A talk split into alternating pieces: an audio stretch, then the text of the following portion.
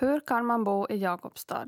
Det undrade Lars-Erik Eriksson när han som tonåring mönstrade på på långfart för första gången en smällkall januarinatt. Hör hans berättelse i första avsnittet av podden Sjömans historier.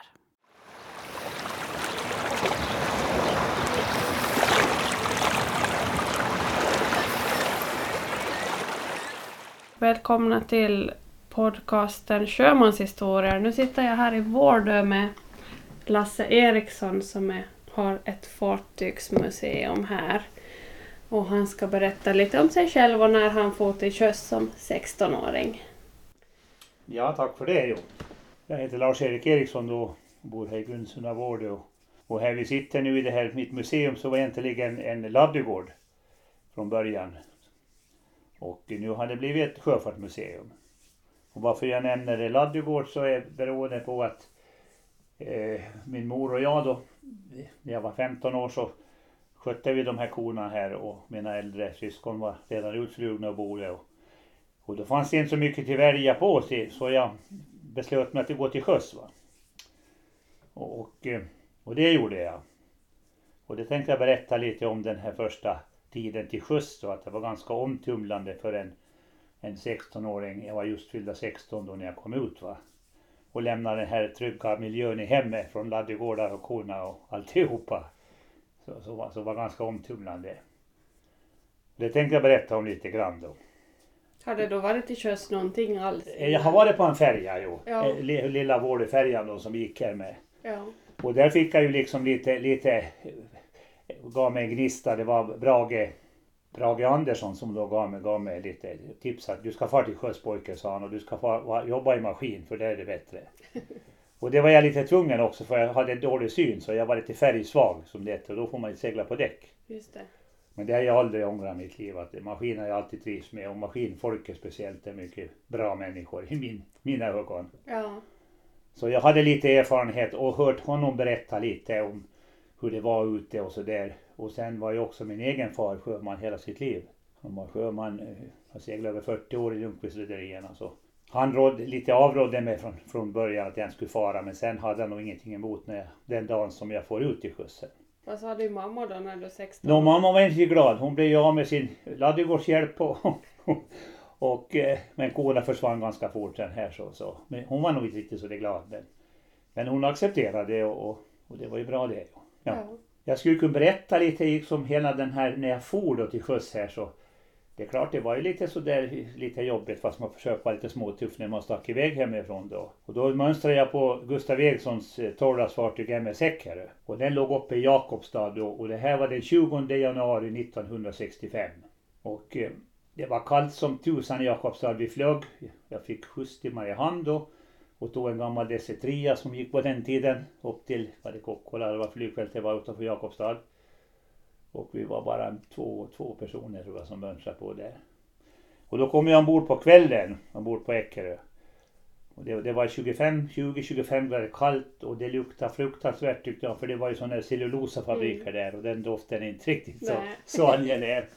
Och, och jag tänkte att hur i herrans namn kan människor bo på ett sånt här ställe liksom. Kom ju från paradiset då, från Åland tycker man. Nåväl, jag kom ombord på det där fartyget och det var kväll och inga människor just fanns ombord. Det var ostädat och det var lite, lite sådär. Lite, folk var lite, tror jag, tagit sig några huttar och, och, och ja, det var lite sådär halvkaotiskt där. Men Stuart kom och visade mig då en hytt där och, och då förklarade han för mig så här att det var motorelevens hytt, jag mössade på som motorelev. Att den, den förra motoreleven då, så han har gått till land på isen för förra resan, alltså för en, en tre veckor sedan. Så ingen har liksom städat då de där hyttarna som hörde till eleven så och motoreleverna lämnade en sockersäck mitt på golvet och, och det såg ju bedrövligt ut i hytten egentligen. Och då var jag nog inte så tuff när jag gick och la mig den första kvällen där i Nej. kojen. Och, och såg lite det där sockersäcken som halva var utspilld på, på golvet, det durken som det heter. Och, och det var vanligt på den tiden att man köpte socker och sånt hem då liksom. Det var, det var lite sånt där. Nåja, det, det, men efter ett, på morgonen sen då så fick jag börja städa då i alla de här motormaskinpersonalens hytter som hörde till elevens jobb. Och, och sen fick jag gå ner i maskin då och börja sakta mak där. Så. Och det var, det var, det var nog bra gäng alltså, absolut inte var det det att vi kom iväg sen igen och då lugnade allt ner sig på fartyget som det ofta gör när man kommer ut från hamn då. Och vart får ni då? Då får vi ner till Velsen i Holland. Det var första Velsen. Ja. Och sen gick vi efter det så var vi till Hamburg. Och det glömmer jag aldrig. Då var jag väl liksom första gången jag kom in- på en riktig krog då, som en sjömanskrog i mitt liv som följde med de stora pojkarna. Och när jag kom in där så hade de såna här lysrör och så. Jag hade vit skjorta på mig och den där skjortan den, den blev som blå nästan. Ja. Jag blev bara och tittade vad, vad händer här inne. så det var, det var lite speciellt allt det där. ja. Ja. Var det vanligt att man var så ung? Det var ganska vanligt då. Ja. Ja. Var det någon som hade liksom ansvar för dig eller var du, betraktade de dig som myndig? Absolut, helt som myndig. Ja. jo, jo. Nej, det var nog ingen som, som liksom... Men det var kanske lite mer så här ändå en kamratskap. De äldre tog ju ofta hand om, om sådana här yngre då. Mm. Så gick man i land liksom och, och, och var första resans gosse så såg nog de där äldre till att man kom tillbaks med ombord och liksom att man höll sig med dem och sånt där. Så, så Ja. det var nog en stor kamratskap alla Precis. gånger. Jo. Jo, jo. Idag ska du ju gå ganska mycket i skola förrän du slipper ut och många så kanske inte ens trivs sen när de börjar komma ut. Utan då fick man ju se med en gång att är det här någonting för mig eller inte. Och, och det, det tycker jag var, är fortfarande kanske man skulle vara lite ganska tidigt att åka ut och verkligen känna på det här livet innan man börjar studera vidare. För den där skolningen så, så var väldigt bra. De äldre lärde ju en allting då i maskin och sånt där och man fick liksom följa med de äldre och se hur det gick till och och- ja det, det, var, det var en bra erfarenhet man fick. Precis. Sen berodde det ju lite på, du kunde komma till båtar som det var lite, nu råkade det vara en, en ganska tuff regim där det var och, och väldigt tuff egentligen. Så, som inte var riktigt lätt att göra med, men, men nog funkade det nog. Mm. Det var en bra första maskinist som liksom varnade mig lite att hålla lite avstånd ifrån den där skifen. Att, och så där så där. Men, men det gick bra. Ja. Och, och det blev faktiskt så långt, ja, jag var så länge som jag var ett år på den där båten. Och sen blev jag liksom motorman då. Efter någon, det, det hette då att man skulle segla ett år till motorelev. Ja. Och sen så fick det bli motorman då. Och sen blev du som dunkerman, det var som en reparatör där då. Men sen så var det stopp där om du inte gick i skola. Just det. Ja. Så sen, när jag gått i skola och seglat lite, om du seglar ett år då, så då, då blev du tredje maskinist då. Och sen vartefter avancerar man då till andra maskinist och första maskinist då. Och uh, maskinchef då, Mm. slutar man då. då. Men då skulle du ha tre års skola. Just det. Ja. Ja. Och det var i Mariehamn. Det var Mariehamn ju. Mm. Jag gick i Ålands tekniska skola mellan 1969 och 1972. Och sen fortsatte jag nog. Jag fortsatte inte så mycket genom Gustav Erosson heller men, men, men, men det är ju ett fartyg man all, all, alltid kommer ihåg och aldrig glömmer. Sen fick vi ganska intressanta, vi gick då på Medelhavet, Finland var en mycket vanlig linje för ett bolag som heter United Owners då, ett åländskt bolag som hade och, och, och, men sen fick vi en charter för Cunard Line. Och då började vi segla på Liverpool och Lakan, alltså de här St. Lawrence Seaway. Okej. Som går in där med, med Newfoundland och sen går den in då ända från Kanada och in till, ända in till Chicago då. Alla de stora sjöarna. Ja. Och där är det otroligt vackert. Och, och alla de här storstäderna, Montreal, Toronto, Detroit och Ja, spännande. det var spännande. Ja. Det, var, det var nog faktiskt spännande för en 16-åring där. Ögonen var nog som tefat många gånger där. Ja, Jo. kan tänka mig det. Ja. Hur, långa törnar var det då? När... Ja, det var inga liksom törnar då på den tiden utan, utan det var så att man, man, man mönstrade på och sen kunde du stanna hur länge som helst egentligen i princip. Det hette då på den tiden som mönstrade efter den som heter 13 paragrafen. Och den paragrafen betydde att, att du för att få en hemresa betald så skulle du måste segla ett år då. Okej. Jo, så du kunde inte, om båten gick ner vi säger till, till Fjärran Östern då, så hade du nästan inte möjlighet att komma hem heller för att det här ju kostar så mycket. Och dessutom måste du betala den som ska ersätta dig. Så det var, det var, det var på det viset var man lite låst. Men seglar en båt här uppe då kunde du ju mönstra av då tidigare och få en ersättare då. Men, men det var lite så, min far då han, han, han, han seglade nästan hela sitt liv. Han är ungefär 10-11 månader ute och en månad hemma på somrarna. Ja. Så, så var det liksom då. Sen kom ju avlösningssystemen in sen då där på 70-talet, slutet på 60 kanske i Sverige. Men då blev det en helt annan, helt annan värld då till. Men då var du i princip helt avklippt från vad som hände här? Då. Ja, man var det ju. Man var Mm. det. Och, och då var det ju inga som nu har du, vet du, alla Facebook och du har, du har telefoner och smartphoner och allt. Och du hade ju ingenting du, utan då, då skrev man brev. Ja. Sen tog det bra länge innan breven kom fram. Och sen kunde man kunde ju ringa då på, på det är från telegrafisthytten då.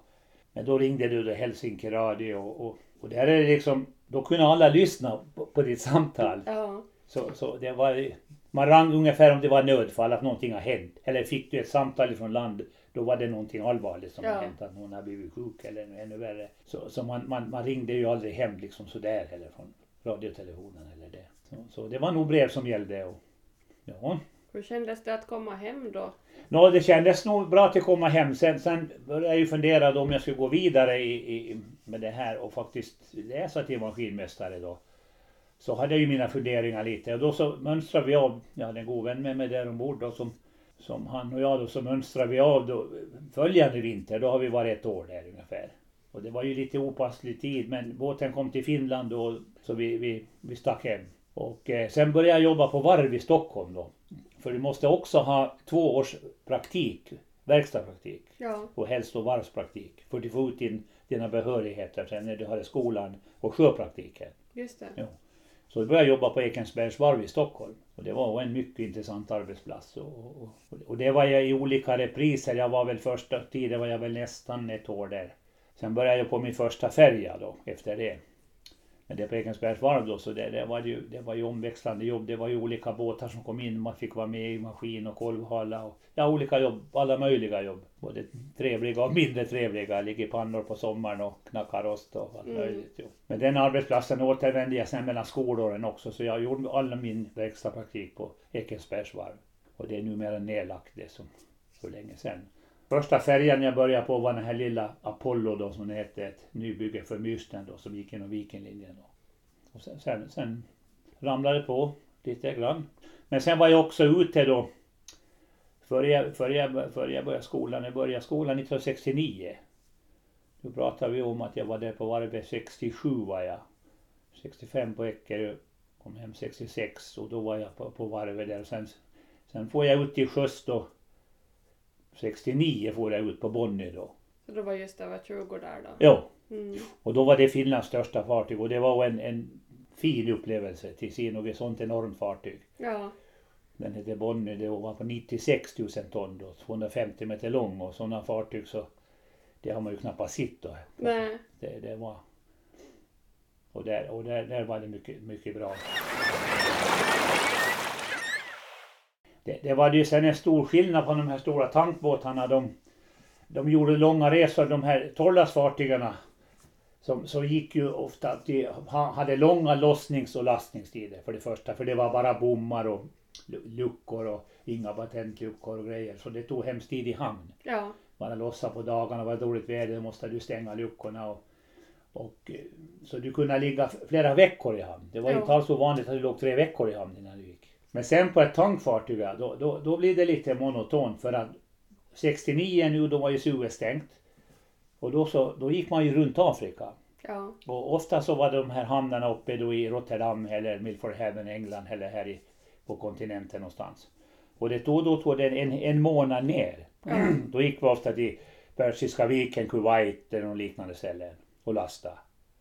Och till lasta en tanker då på 100 000 ton så tar, tar inte dygn heller. Nej. Så blåser de med full olja bara. Precis. Och då ligger man ofta ute i sjön i Diktalber så du, du kommer inte i land. Och sen var det samma resa igen då så, så hade jag en månad till. Ja. Så då var man liksom två månader ombord utan att sätta sin fot i land. Just det. Ja. Och, och, och det, då var det lite speciellt när man gick i land första gången och kände lite med handen på gräset. Och ja, det, det, ja, speciellt om man har varit nere i maskin. då. jo, jo, var det nere i maskin, jo, jo, jo, jo. Men no, det var trivsamt då. Jag tyckte att det var bra kamratskap där. Det är klart det var lite monotont men dagarna rullade på. Och, och, ibland undrar jag om det är bättre till att vara i maskin. Det är klart att det var ju fruktansvärt varmt nere i Persiska viken i maskin. Det var ju, det var ju lite jobbigt, det är ganska jobbigt. Ja. Men, men eh, till sitt på bryggan en månad och se bara blått hav, det kanske också blir för mycket Jo, av det, av det goda. Så jag, jag vet inte vad jag ska säga. Det var nog skönt när man kom upp från vatten och gick och tittade runt. Och så det, det, det. Men vi hade en bra kapten på Bonne. Vi hade Harald Lindfors som de brukar kalla till havets härskare. Han, han hittade på allt det vi hade på fredagarna. Lite sånt där hade vi lite som nästan som i skolan. Klassens gemensamma timme. Jaha. Och då sjöng vi lite och, och, och sådana där grejer att det liksom skulle leta upp lite. Men det är en väldigt stor skillnad på tankfartyg och, och, och, och, och torrlastfartyg. Jag tänker just den här stämningen som du pratar om, det är ju nästan ett måste. Det är ett måste. vara- Jo. Och fast det har varit vissa båtar hemskt arbetsamma. Jag var på en tanker som heter Ronny som, som, som var ute och arbetade med maskin. Men det, det, det, det funkar där också. Har man bra liksom kamratskap och du har några med dig liksom att du liksom man blir som ett litet team och några känner varandra. Så det, det, det, det funkar. Och då är det ju viktigt att man inte liksom blir som en enstöring eller liksom blir aldrig att någon blir utfryst direkt. Det, det, det har jag aldrig varit med att någon blir liksom riktigt så här mobbad direkt. Att det, man, man gör inte så mot en utan alla, vi sitter alla i samma båt är som det heter. Ja. Ja. Sen blev ju färjelivet då ganska annorlunda då. När man jobbade så här i, i Sallibolaget framförallt så var jag ju på lite tankfartyg och, och, och man strävar, sen bildar man familj och då strävar man ju att man skulle få vara, vara i land lite mer, få mera ledigheter. Och då, sen så mönstrade jag på Viking 4 då inom Vikinglinjen som andra maskinist och då var det helt annorlunda. Då var Sallibolaget bland de första som började med, med, med vecka-vecka system. Och det var ju himmelriket tyckte man då att oj oj oj en vecka jobb och sen hem en vecka. Det var ju Ja. nästan ofattbart. Okej vi jobbar ju långa långa dagar, 12 timmars dagar och minst. Det var ju mycket trubbel och sånt där ibland. Så man fick ju, men, men det hade ju ingen betydelse tyckte man när man var ung och, och efter en vecka man var hemma igen. Jo, och man var ju ändå där. så- Man var ändå där, och jo jo. Så är det ju på ett fartyg att, att du, har, du har för mycket dödtid och ännu mer tristess blir det med det. Så, Ja. så, så det, nej, det, har nog alltid varit en mycket bra arbetsgivare och, och hyfsat betalt då, det måste man säga. ja. Hur var det med familjen då? Vad tyckte de om att du var borta varannan vecka? Eh, no, det, jo, det har nog gått bra det. Ja, jo, jo, jo, jo, Precis. jo, jo. Det, det, det, det har nog gått bra liksom. För, för, och här har man kontakt dagligen, kan man ringa hem liksom. Ja, nu kan du ringa när som helst och du kan sitta och prata en sån Ja. och, och titta på varandra och det, det är liksom så. Därför tänker man ju tillbaks på den här tiden att när man börjar på, på, på det är ju inte så länge tillbaks det här. Vi pratar om 50 år i tiden nu tillbaks, 55 år och liksom att vilken enorm skillnad det har blivit alltså. Ja. Ja. Sen en stor skillnad som jag tycker så är ju den där stressen var ju aldrig, det var aldrig stress riktigt på de där båtarna.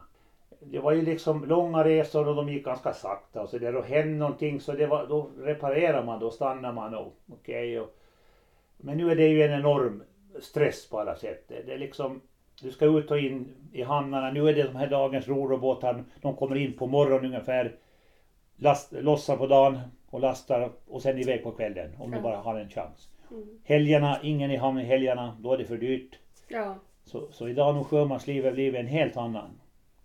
Och mindre och mindre bemanningar. Det, Ja. det, det frestar å på alltså.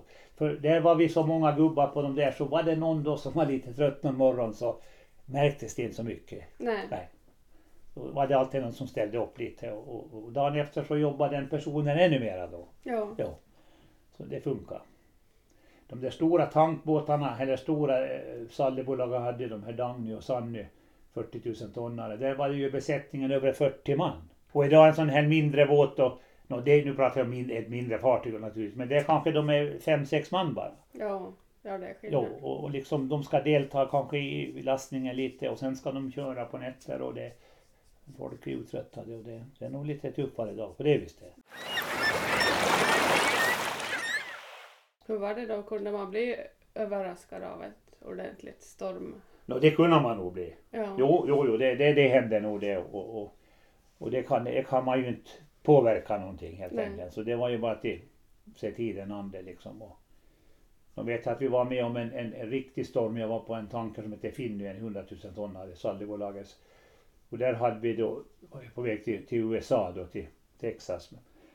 Faktiskt med olja från England låter konstigt, men det var vi och, och då fick vi en riktig sån där, ja man kan säga orkan då på Atlanten där. Och, och då gick vi liksom, vi bara låg och höll båten mot vinden då att, att det Ja. gick inte fram alls utan det, det gällde bara till ungefär förrän vid sjön då att det liksom låg och vakade upp och ner och sådär. Och, och, Hur kändes det då? Var, det då att man tänkte att nu har jag nog valt fel, fel linje? Ja, jag skulle tro det, men om man var så ung och inte riktigt kanske liksom förstod allt eller man inte så, jag, jag reagerar nog inte så farligt. Nej. Men, men nu ska jag säga det, nu, nu kändes det lite konstigt där nere i maskinen fick man stå parerad och liksom när, när, när vi hade inte riktigt full last heller så, så hon gick ner då i fören och så kom akten nästan upp och propellen började liksom gå i luften så hela maskin måste man hjälpa och minska då på, på Mm, gasen helt enkelt då att den inte skulle bara ruska för mycket. Och, ja. Så man fick ju stå där och visst var det inte, var det ju riktigt trevligt heller det. Det, det, det var det inte. Och kapten han stod och höll i sig på bryggan där och sa att nu jäklar anamma, hoppas hon inga brister ungefär. Att det var liksom så med tankbåtar alltså, som kunde faktiskt brista Ja. med de där långa. Ja, ja. Men, men då, då är det liksom jobbigast kanske på en mindre båt som, som den där då, se på där att, att de, de rullar ju mycket va. ja. Och det innebär att det blir ju tungt. Det blir som dubbelt jobb. Så Mm. går du på, på jobb då åtta timmar så har du jobbat 16 minst. ja. För du får hålla i det hela tiden. Du ska utföra ett arbete men för du kom fram efter någonting så får du hålla i det ledare och det liksom slingrar och det, det, det är ju jobbigt va. Jo. Och sen blir många mår ju inte bra helt enkelt. Det, det, det är ju många som ändå blir lite sjösjuka om man nog inte spyr så mycket men man blir ju lite sjösjuk. Ja. Så, och det tar ju på också. Det, det. Så, och är det många dygn så så är man ganska nöjd när det lugnar ner sig. Jo. Ja. Jo, säkert. Men den där tjusningen till sjöss, alltså det där om, om, om vi tänker nu har vi legat en, en vecka på Atlanten liksom då och sen, och sen när du kommer in mot Karibien, havet blir blått och, och, du- och du ser, du ser, börjar se stränder och holmar och kommer till hamn. Det, det är ju en speciell känsla. Det, Ja. det, det är bara så att det, och när man går i land första gången och det är liksom, var är vi nu och jaha det här är vi nu och, ja. Var det då på den tiden när man kommunicerade med ortsbefolkningen? Eller hade ni alls någon kontakt med Jo, nog hade man ofta det. Jo, jo, jo, jo. Jag har inte jag varit till så hemskt exotiska länder. Jag har ju inte varit i Fjärran Östern direkt heller. Det är, de här arabländerna lite annorlunda. Där har man inte så mycket att kommunicera med. Och det var ju tankbåtar det som låg ute i Mm. sjön. Så det, men jag tänker där uppe i Kanada, det är just där i den här St. Lawrence Seaway. Där, där, var- där var det ju mycket fina människor liksom. Och då, då var vi lite exotiska när vi kom in och, och finska flaggen. Att, vad, vad är det där? Ja. Som i USA, då visste inte vad Finland var ungefär. Eller knappt. Åland visste de ju absolut Nej. inte vad heller. Så det, det, många tror liksom att jaha, det, det, är det ni som bor bredvid ryssarna där. Liksom att det, det, det, det var liksom inte sådana kommentarer man fick. Men, Mm. Men ni hade lärt er engelska då eller? jo, jo, man lär sig nog lite engelska. Jo, jo, Mm. jo. Inte kunde vi så bra, men vi kunde kommunicera. Och alltid var det någon som kunde lite mer än någon annan. Och så, så det, det. Mm. Och sen ordnade det sig ibland lite sådana där eh, Du har ju alltid så när du kommer till en hamn då så har du ju skeppsmäklare olika som sköter om fartyget liksom från landsidan då med Mm. alla lastpapper och allting. En mäklare som ordnar det. Och då ordnar de ofta om, på begäran ibland om, om vi låg länge att vi vill fara och titta på någonting och då, då åkte man och kunna se på, på någon sightseeing då. Ja. Så det var, det var väldigt intressant. Jag var till Niagarafallet bland annat och det glömmer jag aldrig liksom. När man Ja. for med båt mellan liksom berg och falle då, att fallet gick på andra sidan. Och Ja. vi körde däremellan som en tunnel. Och, och, och liknande alltså. Det, det, och en del kaptener var, var noga med det där och målmedvetna att, att folk skulle ha ordnat lite sådana här resor och grejer. Och sightseeing då bara på några timmar. Så. Kanske också en orsak till att många ville fara till sjöss. att- Ja, no, jo, jo, jo, visserligen, jo, jo, jo, jo, jo. Så det, det, nej, nej, det fanns som både och. Och det är klart att nu gick ju folk på krog och ibland då barer och grejer. Det var lite, men det är inte bara så många tror att sjömän bara satt på baren. Inte var det riktigt så heller. Nej. För det är lika som många säger det att, att du går, då, då var man kanske borta en månad då. Vem går inte på restaurang utav landpersonal då? Mm. Kanske varje lördag Mm. många. Så det, det hur du ser det där så inte. Men det, det finns ju sjömän faktiskt så som, som, som, som, som, som aldrig går i land. Det fanns, det finns några inom Åländska flottan. Som en, jobbar väl, jobbar han på ett fartyg i fyra år och sen så bara mönstrade han till systerfartyget och gick över till den och sen var han väl där i tre, fyra år till då. Ja. Utan att fara hem. Ja, det var ju en del ungkarlar som kunde liksom bli sådär de då. Och sen fartyget blir liksom din, din trygghet. Det- är ju det liksom att om du är land där och, och, och liksom sen, sen när du kommer ombord, det är som att du kom hem liksom. Det, Mm. det är din trygghet. Där Ja. har du din hytt och där har du din koj och det är liksom att det, Sen brukar jag alltid poängtera, jag lite som, som varje maskin, det är ju ganska stor skillnad på däcks och maskingäng alltså. Det där är, nu är det inga som förr, de kanske liksom mera så här skillnad liksom, hur ska jag säga då att små, små gnabba lite och, och eh, men, men idag är ju det borta ungefär. Man kan ju skämta om det förstås men det men, just i maskin så, så, eh, så det folk är ju liksom, man är ju en ganska så där det är ju ingen så trevlig miljö om man tänker efter. Du har buller och du har värme runt det. Och, och liksom, ja det är inget så. Nej, det är skitigt och oljigt. Ja det är skitigt, oljigt och jobbigt och varmt. Ja. Och, och, och många liksom, det, det är sällan liksom något bråk mellan maskinfolk. Liksom. Det, det är på något sätt som man, man, man är liksom, vill man vara i maskin då så då accepterar man det där och, och det är sällan några stridigheter bland Mm. maskinist, maskinfolket. Det, ja. så, så, så är det liksom. Det, Men eh, jag kan tänka mig att det blir en ganska grabbig stämning. Nå, det blir lite grabbig stämning, jo. jo. Det, det blir det nog. På den tiden var det ju bara män. Då var det bara män. Ja. jo, jo, jo. Men det, det, det är nog borta idag det och, och jag har ju seglat med lite kvinnliga motormän och sånt där och de är, det hur bra som helst funkar det där. Det är lite fördomar tycker jag mot det där att, att, att, att det är klart att kvinnor kanske inte ty, tycker, det är inte så många som vill söka sig till sjöss för de tycker inte om det helt enkelt. Mm. Då ska de ju inte göra det enligt Nej. mig. Utan man ska ju välja yrke. Men de som kommer till sjöss och sökt sig så, så har varit precis lika duktiga som, som män. Ja. Ja. Och, och absolut lika kunniga. Det, det är klart att om man är fysiskt en aning svagare då när man ska hålla på golvhala och grejer så det finns ju andra hundra saker att göra. Så det är inte, det är Mm. inte styrkan som avgör det heller. Nej, precis. Nej, och det finns faktiskt ett fartyg som inte numera tror jag har gått till skrot, ett svensk båt som, som där var i stort sett hela kvinnliga maskingänget kvinnor. Jaha. Eller hela maskingänget kvinnor. Ja, just det. Från maskinchefen till första maskinist och, ja, Ja. och det funkar lika bra på den som annan båt. Så det, det är nog liksom med, med egna viljan då som du vill, du vill du bli maskinist som kvinna så finns det nog. Och där tror jag nog att om det är någon som lite börjar jäklas med någon kvinna då liksom att så tror jag nog de andra herremännen säger till att jo, jo, att, Mm. att, att så att eh, ja, så är det nog. Nej men det, det sjömansyrke är nog det. Idag har det ju liksom blivit lite annorlunda. Nu har ju mycket rederier försvu- försvunnit och, och, och, det, det är mer komplicerat idag. Vi ser det här. Förr var det ofta en redare. Och, och, och, du seglade åt rederi och det var liksom lite, man var lite stolt över det där och Gustav Eriksson. Man såg det, GE vet du, och tyckte att aj, aj, det där är Mm. och, och, men nu idag har det där, nu, nu är det så många konstiga, du seglar, det, är mycket utflaggade fartyg nu och, och det är nog i bank, det kan vara en bank, vet du, i Zürich som äger båten och den drivs av en besättningen från Kroatien och det är någon befraktare som sitter i Australien och det är liksom en hel, det, det, det är liksom ingen, det är ingen redare längre som, som och då försvinner känslan lite från fartyget också. Om du jobbar på en båt nu vet jag att jag kanske, ja, ja okej jag mönstrar på här nu och sen efter den här båten så far jag till en annan båt. Då får du aldrig samma känsla att du sköter om fartyget.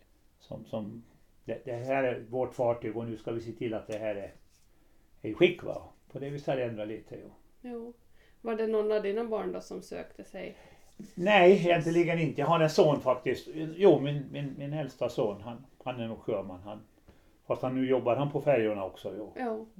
Och han, han blev som farfar, han gick i, i till kockskola han och seglade lite steward på lite mindre båtar nu han jobbar i provianter på Cinderella. Okej, just det. Men de andra har nog inte blivit det. Nej, precis. Men jag har en nu som är kanske på väg. Han, han, han håller på att läsa till elmästare han, så det, det är ju lite roligt. Och han har jobbat som landelektriker så. Jag tror vi ska börja avrunda men Ja, tack så jättemycket Lasse för Ja. att fick komma hit. Tack själv. Tack ska du ha. tack.